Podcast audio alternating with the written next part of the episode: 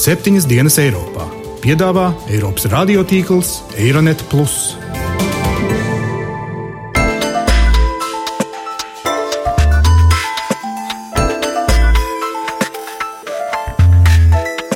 Šonadēļ septiņas dienas Eiropā dzirdēsim. Pasaules lielākais autokoncerns ir piečakarējis savus patērētājus. We have cheating on a huge scale. Volkswagen, das Auto.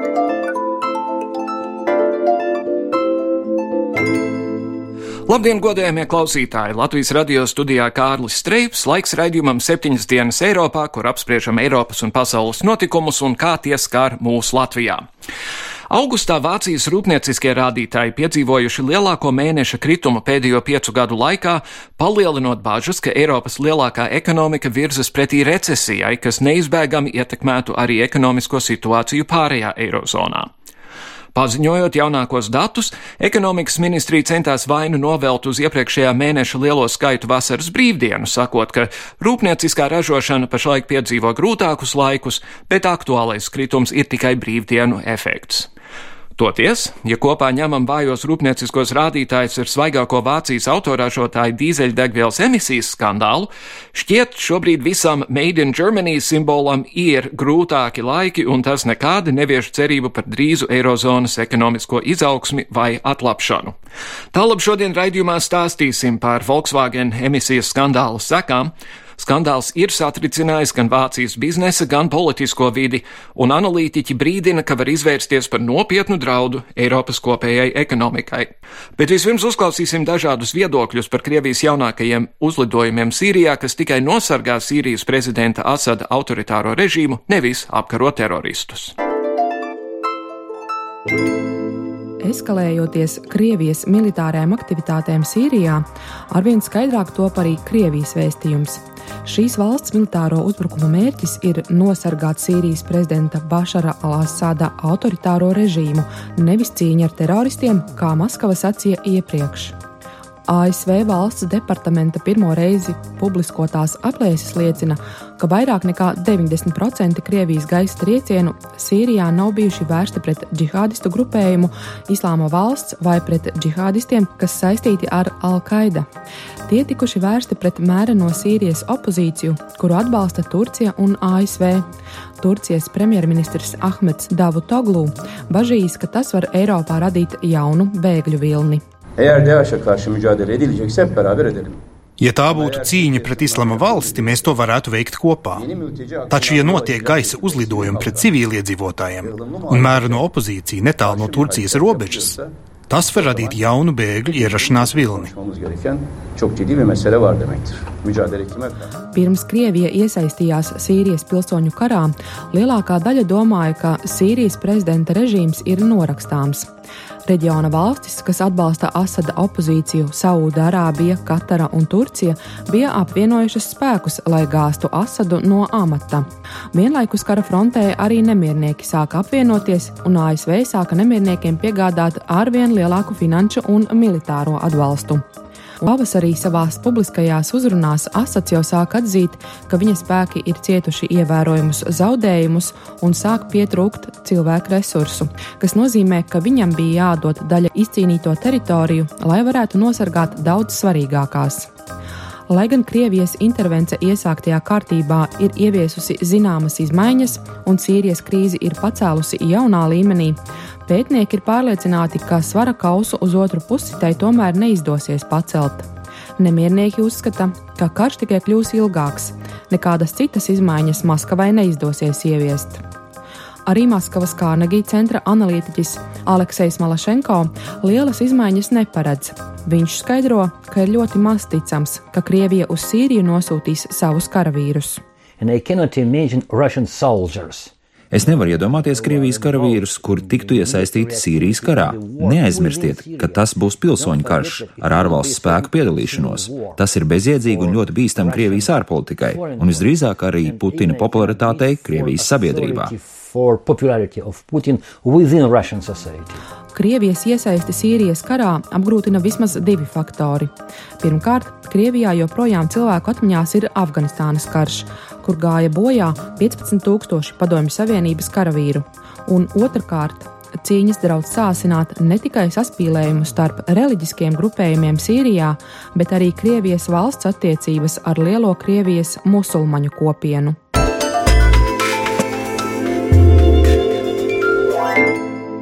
Ziņu aģentūra Reuters ziņo, ka kāda autovadītāja no Ķelnes, Vācijā, ir pirmā, kas iesniegusi tiesā prasību pret Volkswagen, apsūdzot uzņēmumu automašīnu īpašnieku maldināšanā.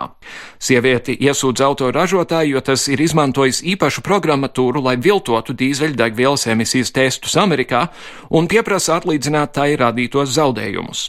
Autovadītāja apgalvo, ka tieši zemie emisijas rādītāji bijuši izšķirošs faktors, kāpēc viņa 2010. gadā iegādājusies savu Volkswagen Charan ar 2 litru dīzeļu dzinēju par 40 tūkstošiem eiro. Volkswagen sola uzsākt skandālā skarto automašīnu atsaukšanu un remontu jau janvārī, tomēr autovadītāja uzskata, ka šāds remonts nebūs pietiekams un drīzāk nelabvēlīgi ietekmēs transporta līdzekļa veiktspēju un citus svarīgus rādītājus. Vairāk par Volkswagen emisiju skandālu manas kolēģis Gitas Siliņas sižetā.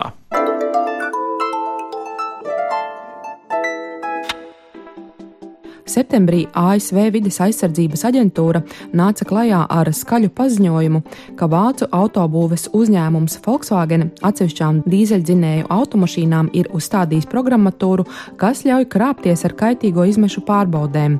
Proti, pilnīga kaitīgo izmešu kontrole tiek veikta vien brīdī, kad notiek oficiālās emisijas pārbaudes taču pēc tam, kad automašīnas jau sāk reāli braukt, kaitīgo izmešu apjoms var palielināties līdz pat 40 reizēm. Drīz vien Volkswagen paziņoja, ka pasaulē līdz pat 11 miljoniem automašīnu aprīkotas ar konkrētu dīzeļdzinēju tipu, kas var falsificēt kaitīgo izmešu datus. Tika norādīts, ka Amerikas Savienotajās valstīs šādu automašīnu varētu būt aptuveni pusmiljons. Ja apsūdzības izrādīsies pamatotas, Volkswagen Savienotajās valstīs varētu tikt piemērots naudas sots līdz pat 18 miljardu eiro apmērā. Tikmēr analītiķi steidz spriest par ietekmēm un sekām, ko radīs šis notikums. Tiek prognozēts, ka Volkswagen gaida nopietnas problēmas. Visvairāk Eiropā, mazāk Āzijas tirgu, kur par kaitīgo izmešu apjomiem pircēji tik daudz nesatraucas, tāpat ir nopietni apdraudēts jau tā nestabilais Volkswagen tirgus ASV. Eksperti prognozēja, ka automašīnu maldinošās programmatūras skandāls nopietni iedragās kompānijas reputāciju visā pasaulē. Un ne tikai reputācija cietīs, cietēji būs sabiedrība kopumā, jo gandrīz katrs ceturtais auto Eiropas ielās ir ražots Volkswagen grupas rūpnīcās. Šis emisijas skandāls ir satricinājis Vācijas biznesa un politisko vidi. Tāpat analītiķi brīdina, ka šī krīze varētu pārtapt par ļoti nopietnu draudu Eiropas kopējai ekonomikai, jo Volkswagen ir lielākais no Vācijas automobīļu ražotājiem un viens no lielākajiem darba devējiem valstī, ar vairāk nekā 270 tūkstošu darba vietām savā mītnes zemē, un vēl pasaulē kopā tiek nodarbināti gandrīz 600 tūkstoši cilvēku. Zināms, ka vairākās Eiropas valstīs notiek izmeklēšana un pārbaudes. Arī Eiropas Savienība ir aicinājusi katru dalību valsti vērtēt to, kas noticis Volkswagen rīcības dēļ. Eiropas parlamenta vadītājs Martins Šulcs ir norādījis, ka tas ir smags trieciens Vācijas ekonomikai. Ir grūti noticēt, kas ticis darīts nevērības dēļ un iespējams pat ar kriminālām darbībām, bet es uzskatu, ka Volkswagen ir spēcīgs uzņēmums un tam ir viss iespējas tikt galā ar šo krīzi. Tas wird bis zum Ende des Jahres zustande kommen. Ir skaidrs, ka šis notikums ir izskanējis tik augstā līmenī Eiropas Savienības, Eiropas parlamenta un Eiropas komisijas ne tikai tāpēc, ka ir konstatēta kaut kāda neatbilstība. Jo ik pa laikam ir dzirdēts, ka ikdienas autopārbaužu laikā jaunu un ne tik jaunu auto īpašniekiem autoražotājs piedāvā nomainīt kādu detaļu, jo ticis konstatēts, ka šai detaļai kaut kas īsti tehniski nav kārtībā. Taču pat labāk galvenā problēma ir tā, ka skandālu izraisīs fakts, ka kaitējums ar emisijām tiek izskatīts kā apzināta rīcība. Briselē Eiropas komisija, kā ziņo raidstacija Euronet, Plus, ir nonākusi krustugunīs, jo nav reaģējusi ātrāk uz aizdomīgo situāciju ar iespējamo krāpšanos, neraugoties uz brīdinājumiem. Izrādās, ka fakts par programmatūru, kas var falsificēt kaitīgo izmešu datus, bijis zināms jau iepriekš taču tas, ka uzņēmums apzināti krāpjas, kļuva zināms tikai ar Startautiskā tīra transporta padomes, kas atrodas ASV starpniecību. Gregs Ārčers, kurš strādā šajā padomē, skaidro, ka ne tikai ASV eksperti tika informēti par aizdomīgo krāpšanos, bet tika ziņots arī Eiropas komisijai. So Tātad viņi bija informēti par šo aizdomīgo rezultātu aptuveni pirms 18 mēnešiem.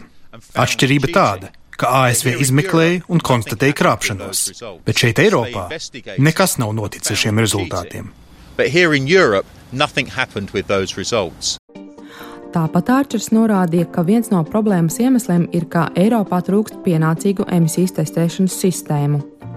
Eiropas komisijas preses dienesta pārstāve Lūsija Kaudata mēdījiem norādīja, ka komisijai nav atbilstošu pilnvaru, lai uzsāktu izmeklēšanu kādā no Eiropas Savienības dalību valstīm. Tālāk komisija aicina pašas dalību valstis būt aktīvām un rīkoties. Pēdējos gados esot tikušas pilktas krietnes pūles, lai novērstu čēršļus dažādām likumu nepilnībām, ierobežojot emisijas gāzu piesārņojumu visā Eiropas Savienībā. Kaudata arī skaidroja, ka komisijas nostāja Eiropas Savienības noteikumu ievērošanā ir visnotaļ strikta, taču tajā pašā laikā tā ir atvērta arī šo noteikumu pilnveidošanai.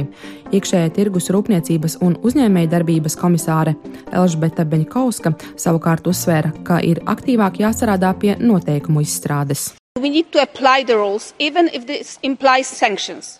Ir nepieciešams piemērot noteikumus, pat ja tas nozīmē sankcijas.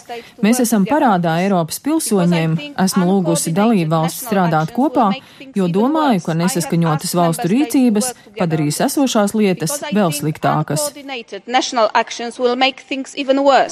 Tiek norādīts, ka Eiropas komisija izskata iespējamos papildu pasākumus situācijas uzlabošanai un vienlaikus norāda, ka ir pāragri izdarīt secinājumus. Savukārt Ārčers uzskata, ka Eiropas komisijas rīcība ir gausa un neliederīga. Tas ir bezcerīgi nepietiekami. Mums ir milzīga mēroga blēdība, ko veicis viens no Eiropas lielākajiem automobiļu ražotājiem. Un komisijas atbildi ir: veidosim regulatoru un runāsim vairāk viens ar otru. Tas ir pilnīgi bezcerīgi. Tāpat Gregs Ārčers norādīja, ka dīzelgeita ir tikai maza daļa no aizberga. Vēl citi jaunumi un atklāsmes tikai sekošot. Kā informē Euronet Plus, starptautiskās tīra transporta padomes pārstāvis uzmanību pievērsa vēl atsevišķiem padomes pētījumiem, kuros ticis konstatēts, ka arī citiem uzņēmumiem, ne tikai Volkswagen, ir nopietnas neatbilstības emisijas testu rezultātos. Piemēram, dažādu modeļu Mercedes, BMW, Renault un Peugeot ir konstatētas atšķirības starp oficiālo un reālo izmešu līmeni līdz pat 40 līdz 50 procentiem. Šķiet, runa ir par nelikumīgām izslēgšanas ierīcēm ierīcēm. Citādi to grūti izskaidrot, norādīja testēšanas uzņēmuma pārstāvis.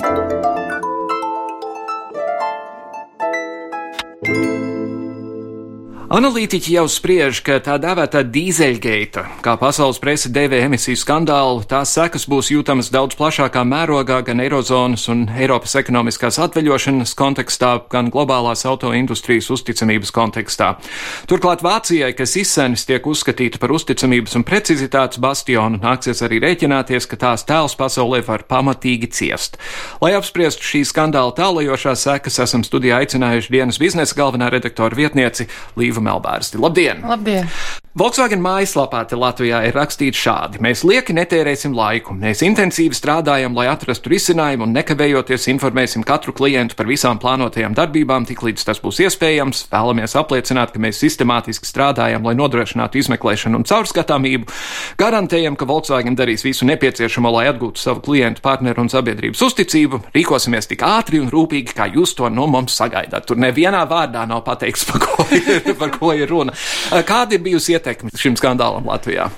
Es nezinu, vai Latvijā mēs vispār varam runāt par kaut kādu ietekmi. Nu, jā, protams, cilvēki, kas brauc ar Volkswagen, varbūt uh, aizdomājās par to, bet ka tam būtu kaut kāds nopietnāks seks. Es neesmu manījusi, es redzēju, es lasīju no Statoil, kad Statēl bija teicis, ka dīzeļdegvielas, nu, teiksim, izmantošana ap dīzeļdzinēju, tāpēc nesamazināsies viņu prāt. Jo, jo cilvēki turpinās tās mašīnas lietot, ko Jā. viņiem cits atliek. Tieši tā.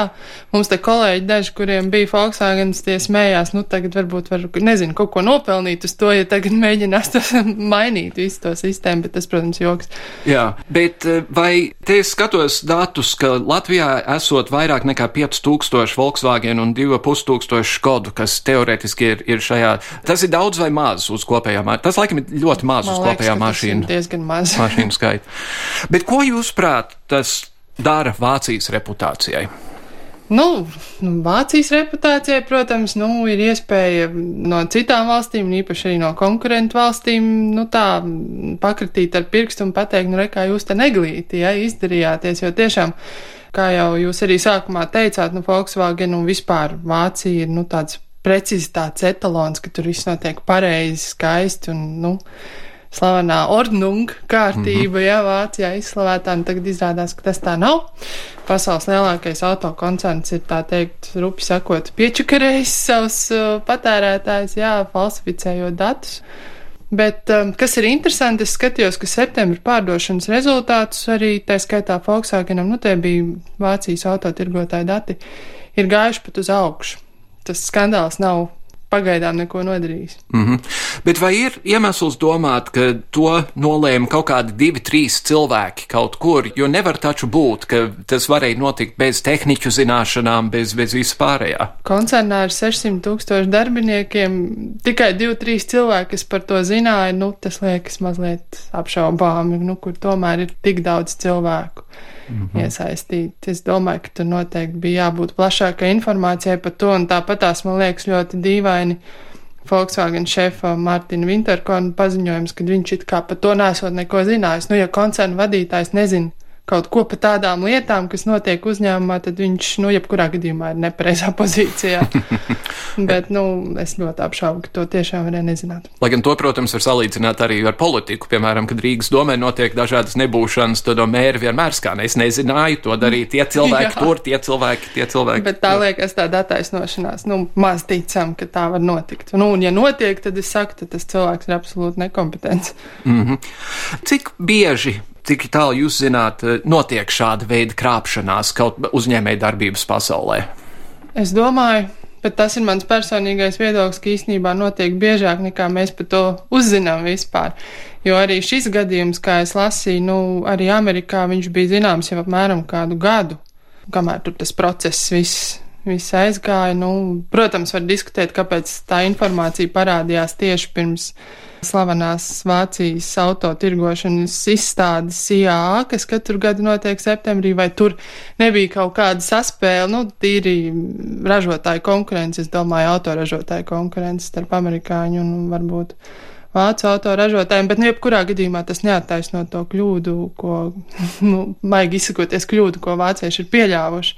Um, Vācijā ir uh, pēdējā laikā drusku samazinājušies rūpnieciskie rādītāji, un Vācijas ekonomikas ministrija ir teikusi, ka tas ir tāpēc, ka vasaras laikā visi vācieši devās brīvdienās. Bet uh, kas pat labi notiek ar Vācijas ekonomiku, un cik svarīgi tas ir pārējai Eirozonai? Un... No Eirozonai es domāju, tas ir ārkārtīgi svarīgi, kas notiek Vācijā, jo Vācija ir Eirozonas ekonomikas motors un, un dzinējspēks. Un, Un līdz ar to, kā sacīt, jāsaka, ja Vācija dabūna iesnes ekonomiskā mērogā, tad pārējiem ir plaušu karsonis, nu tā pārfrāzējot. Un, um, jā, nu, pašlaik gan nav pamata domāt, ka kaut kas tur ļoti slikti notikt Vācijas ekonomikā, bet, nu, ņemot vērā vispār visas eirozonas problēmas un tā tālāk, nu, nevar izslēgt, ka tam būs efekts. Jā. Un, un līdz ar to tas pavilks līdzi, protams, arī visu pārējo. Eiropas Savienībā. Cik lielas ir ekonomiskās attiecības starp Latviju un Vāciju? Nav vajadzīgi precīzi cipari, bet vai ievērojams attiecības. Nu, es domāju, ka nu, vispār diezgan, cik es tā varu spriest. Vācija ir vienmēr bijis nozīmīgs gan tirzniecības partneris Latvijai, gan nu, arī tīri sadarbības ziņā. Domāju, ka Eiropā tas ir nu, lielākais sadarbības partneris. Kā jūs vispār skatāties uz nākamajiem gadiem attiecībā uz tautsaimniecību Eirozonā un plašākā iedzienā Eiropā? Jo daudz tiek runāts par to, ka Eiropas Savienībai pat labi ir jātiek galā ar neiedomājamām krīzēm. Tur ir Grieķija, tur ir bēgļi, tagad ir šīs eh, Volkswagen skandāls, ir viens pēc otra, pēc trešā, pēc ceturtā. Nu, es nepiekrītu tiem, kas saka, ka tāpēc Eiropas Savienība izjuks un Eirozona, nezinu, sadalīsies pa maziem gabaliņiem. Bet nu nevar noliegt to, ka šīs krīzes, visas arī, kuras jūs minējāt, ir tiešām nozīmīgas un, un Vācijai nenoliedzam tur ir ļoti liela loma, kādā veidā viņas varēs risināt tie paši bēgļi, Grieķijas jautājums, jā. Bet nu, es nedomāju, ka tas automātiski nozīmē, ka mums jāsķer galva un, un jāuzskata, ka uh, Eiropas Savienība beigsies. Nē, nav jau jautājums par to, ka Eiropas Savienība beigsies, jo, kā mēs esam citā kontekstā runājuši, tas ir biznesa projekts. Viņš tika izveidots, lai cilvēki varētu tirgoties cits mm. ar mhm. citu. Bet man personīgi ir grūti saprast, teiksim, mūsu valdība visu laiku apgalvo, ka krīze ir beigusies, mums ir ekonomiskā izaugsme, bet vienalga mums ir briesmīgas problēmas ar budžetu un mēs nevaram neko atļauties. Un kā tas viss salīmējas kopā? Jā, tas ir vienmēr tas labais jautājums starp to, ko it kā uzrāda Excel tabulas dati par izaugsmu un to, ko cilvēki realitātē izjūt. Jā, nu realitāte ir tā, ka mums ir vairākas nozars, nu kā piemēram arī tagad aizsardzības nozara, nu, kurai vienkārši vajadzēja šo papildus naudu, līdz ar to kaut kur citur nācās saspiesties un kaut ko konsolidēt vai nu mēģināt iekasēt vairāk, bet, nu, Protams, ir vēl daudzas citas problēmas par neapkaroto ēnu ekonomiku un to, ka mēs varētu iekasēt no tiem nodokļiem, kas mums jau ir vairāk nekā tas tiek darīts. Un, un, un līdz ar to te veidojās it kā tā starpības starp uh, vēlamo un esošo, jo tās prognozes uz katru budžetu tiek uzliktas, ka, nu, viss jau būs labi, mēs tūlīt iekasēsim, viss būs kārtībā, tad, kad pienāk rezultāti, tad atnāk vidu priekšniece, šai gadījumā Petersons kundze un saka, nu, mēs atkal te neesam iekasējuši tik un tik, jā. Ja? Nu. Jā. Es zinu, jūs esat diezgan daudz pati rakstījusi par šo, šī, šī nākamā gada budžetu un par to, ka kārtējo reizi valdība tagad taisās mainīt visādus nodokļus, tā kā cilvēki maina apakšbikses. Un par to tiek runāts pilnīgi katru gadu. Kāpēc, jūsuprāt, valdība netiek galā ar tādām ilgtermiņa prognozēm attiecībā uz to, kas ir vajadzīgs nodokļos? Nu, tāpēc, ka es īstenībā neredzu, ka mums būtu, nu, valdībai šajā gadījumā kaut kāda saprātīga ilgtermiņa prognoze, ja mēs runājam par par valsts ekonomiku, nu, kur ir tas ceļš, kur mēs ejam, kur ir tas, ko mēs atbalstam, ko mēs gribam veicināt, un kur ir varbūt tās jomas, kur mēs uzskatām, ka varam uzlikt lielākus nodokļus. Es neredzu šādu stratēģiju. Protams, ir visādi nacionālās attīstības plāni un tā tālāk, bet tas ir vairāk tā blā, blā, blā līmenī, ja paskatās tie mērķi, kas tur ir uzstādīti, viņi pārsvarā ir, nu, tādi ļoti abstrakti. Un, nu, piemēram, bija te industrializācijas sapnis, ka mums būs vismaz 20% apstrādes rūpniecība, nu, nu, nekas neliecina par to, un jau vairākus gadus Un vēl jau vairāk, vai ir kaut mazākais iemesls domāt, ka Latvija varētu kļūt par industriālu pat mini-valsti? Protams, ka ne par lielu valsti. Mūsdienās, kad ir pakalpojumi un robotika un vispār. Es domāju, ka kad nav pamata tā domāt, jo man liekas, ka Latvijas spēcīgākās jomas arī būtu īstenībā citos sektoros, un tur ir tieši arī pakalpojumi, tur varētu būt labi attīstīta veselības kopšanas nozara par to, ko mēs runājam par šo te medicīnas eksportu. Protams, ka tur ir jādara jādara vēl ļoti daudz pašas nozares sakārtošanā, bet Tur, teiksim, es varētu saskatīt arī kaut kādu reālu potenciālo pievienoto vērtību, bet sapņot, ka mums te būs fabrikas strādnieki, nezinu, kas tam līdzīgs, nu diez vai. Jā. Vefu tad neatjaunot tādu, kāds viņš bija 30 Baidos, ka nē, tas, tas ir diezgan naivs sapnis domāt, ka tas var būt. Šodien raidījumā mēs arī drusku runājām par to, ka Krievija tagad ir sākus bombardēt Sīrijā, un viens aspekts no tā ir, ka gandrīz noteikti tas nozīmēs, ka no turienes nāks lielāka bēgļu plūsma. Kāds eh, ienākošiem bēgļiem Latvijā varētu būt ekonomiskais efekts? Tas ir atkarīgs, protams, no tā, ko valsts viņiem darīs, bet Nu, es domāju, ka runājot konkrēti par šiem bēgļiem arī no Sīrijas, valda ļoti liela aizsprieduma, kad tiek uzskatīts, ka viņi ir kaut kādi neizglītoti, nabadzīgi cilvēki, kas sēdēs tikai uz pabalstiem un, principā, nekāda labuma no viņiem nevar būt. Es skatījos vakardien OECD datus, nu, tur bija tieši migrācijas apskojums par 15. gadu, un tur bija Visnotaļ, nu, tīri pa izglītību runājot, tur bija apmēram ap 20% no tiem bēgļiem bija ar augstāko izglītību un, un, un pār pa 40 ar vidējo. Nu, līdz ar to tie nav cilvēki, kuri pilnīgi neko nevar darīt un, un būt absolūts nulles un sēdēt uz pabalstiem. Nu, runājot par konkrētām jomām, kur viņi varētu būt noderīgi, nu, ļoti grūti pateikt. Nu, varbūt tur būs mediķi, varbūt būs. Nu, tas ir jāstāsta no tiem cilvēkiem, kas atbrauks. Bet es negribētu, nu, ka tiek tālāk kultivēts tas mīts, ka viņi ir tikai nu, kaut kādi absolūti zemā klase, kas neko, nekādu pievienoto vērtību nevarētu radīt. Iekšlietu ministrijas valsts sekretārs, ja nemaldos, ir konkrēti nosaukusi kokrūpniecību, zāģētavas to industrijas daļu. Nu, iespējams, tā ir diezgan spēcīga pie mums attīstīta industrija, un es domāju, ka viņiem arī darba rokas varētu būt nepieciešams. Valsts saka, ka ir diezgan konkrēti izstrādāti plāni par to, ko ar tiem bēgļiem darīs, tad, kad viņi reiz te uzradīsies decembrī, kad būs sniegs un augstums. Vai jums arī tā liekas, ka ir labi izstrādāti plāni un labi izskaidroti es plāni? Es neesmu redzējis šādus te plānus, lai es varētu spriest, ka viņi ir labi izskaidroti vai labi izstrādāti. Katrā ziņā man liekas, ka būtu būtu nepieciešama daudz plašāka publicitāte, ja šie plāni tiešām tādi ir. Lai, lai cilvēki varētu pārliecināties, ka tiešām mums ir stratēģija un, mēs zinām, ko ar tiem cilvēkiem iesākt, un viņi te neatbrauks un nesēdēs mums vienu dienu pie Rīgas domas pēkšņi visi, jā. Bet um, jā, līdz ar to man liekas tā diezgan šaubīgi, vai šie plāni tiešām ir tik, tik labi, kā mums mēģina iestāstīt. Varbūt. Mm -hmm. Bet viņi tiek labi slēpti. kaut vai tajā nozīmē, ka man nav īsti skaidrs. Labi, es saprotu, ka tie, kas pieprasa patvērumu kādu laiku, būs muciniekos, bet vai tiek ļoti aktīvi domāts par to, kas notiks pēc tiem trīs mēnešiem, respektīvi, vai kāds mēģinās tiem cilvēkiem palīdzēt viņus savest kopā ar ķēkavas putnu fabriku, kas meklē darbiniekus? Jā, nu par to man galīgi nav pārliecības, un vēl jau vairāk es esmu runājis arī ar vairākiem valdības ministriem, kas saka, ka pat viņiem nav zināms, ko ar tiem bēgļiem darīt, nu tad kuram ir zināms? Mm -hmm. Jo 776 cilvēki tā Jā. nav nekāda, nekāda milzīga masa. Kā jūs vispār skatāties uz Latvijas ekonomisko nākotni? Jo Katru gadu mums ir šī saruna par to, ka budžets ir spiedīgs un mums ir, ir jābūt taupīgiem un tā tālāk. Vai jūs redzat kaut kādu gaismas stariņu tuneļa galā attiecībā uz kaut kādu izrāvienu? Man negribās tā galīgi pesimistiski uz to visu skatīties, bet pašlaik, ja tā godīgi šo gaismas stariņu tā īsti nesaredz, jo mēs tiešām mēs dzīvojam tādā, nezinu, ar tādu vienas dienas attieksmi. Labi, šodien mums ir jāpiepilda budžets, mēs uzkrāmējam nodokļus un ir baigi labi. Un nosacīt, protams, bet mm -hmm. mēs neskatāmies, kas notiek tālāk. Un man liekas, tas, kas tas reāli pietrūkst, ir kaut kāda vīzija, tīri ekonomiski skatoties, nu, kas ir tas, ko mēs gribam sasniegt, nu, kur ir mūsu tas potenciāls, kur ir mūsu mērķi.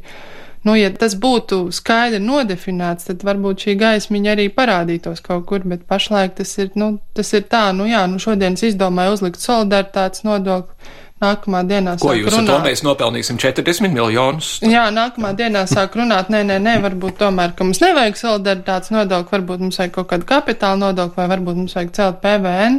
Nu, tas vienkārši tas rada cilvēkos absolūtu apjukumu un nepārliecinātību par to, nu, kas, kas tad īsti. Nu, ja. Un problēma ir tas, ka mums ir analfabētiski politiķi vai arī ekonomikas ministrijā un finanšu ministrijā strādā ļaudis, kas nezina, ko viņi dara nu, izskatās, ka līdz galam viņi nezina, ko dara, jo, jo pretējā gadījumā man liekas, ka tam rezultātam būtu jābūt pārliecinošākam. Un eh, tā kā tas viss pašlaik ir nostādīts, vai nu viņi to dara kaut kādā milzīgā steigā un nepārdomāti un nesaskaņoti, vai, vai arī tiešām tas ir kompetences trūkums. Mm -hmm. Nu tad, laikam, atvedot šo sarunu atpakaļ uz pašu sākumu, ja reiz būs vairāk naudas eh, aizsardzības ministrijai, tad ieteiksim nepirkt Volkswagen tankus. Jā, to varētu droši vien ieteikt. Es gan nezinu, vai Volkswagen ražo tankus. es nedomāju, ka ražo tankus. Līva Melbārs no dienas biznesa. Sirsnīgs paldies par sarunu. Paldies!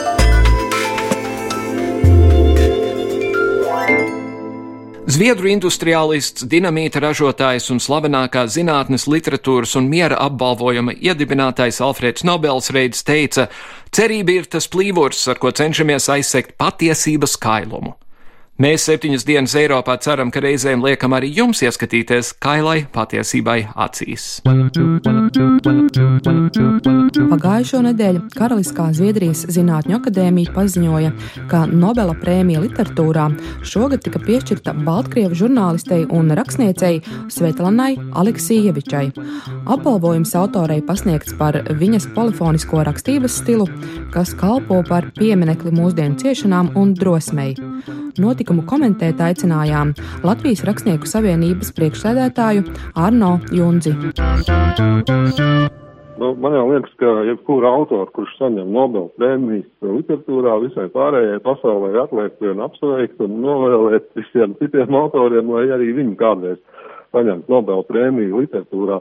Es neesmu īsti drošs, bet man ir sajūta, ka pirmo reizi Nobel prēmijas vēsturē šogad šo prēmiju saņem nevis rakstnieks, bet vairāk gan publicisti un žurnālisti. Un patiesībā par to man ir prieks, jo bieži vien tieši publicistu veikums ir mainījis pasauli un varbūt kādreiz arī pienāk tas brīdis, kad vajadzētu kādam publicistam iedot Nobel prēmiju. Kāpēc nevarētu būt šis gadījums?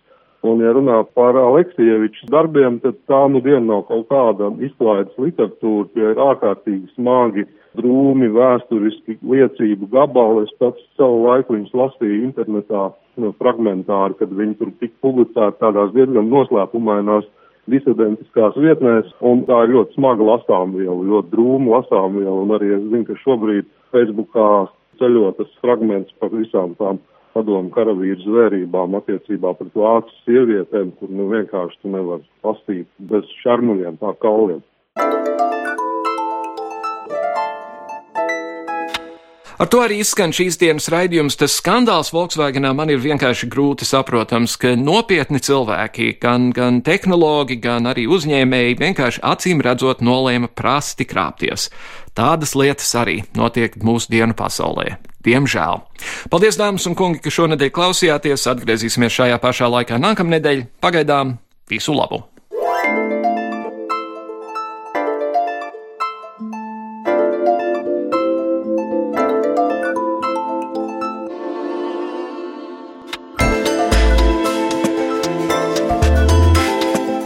Raidījumu veido Kārlis Streips, Gita Siliņa un Jānis Krops. Producents Lukas Rozītis.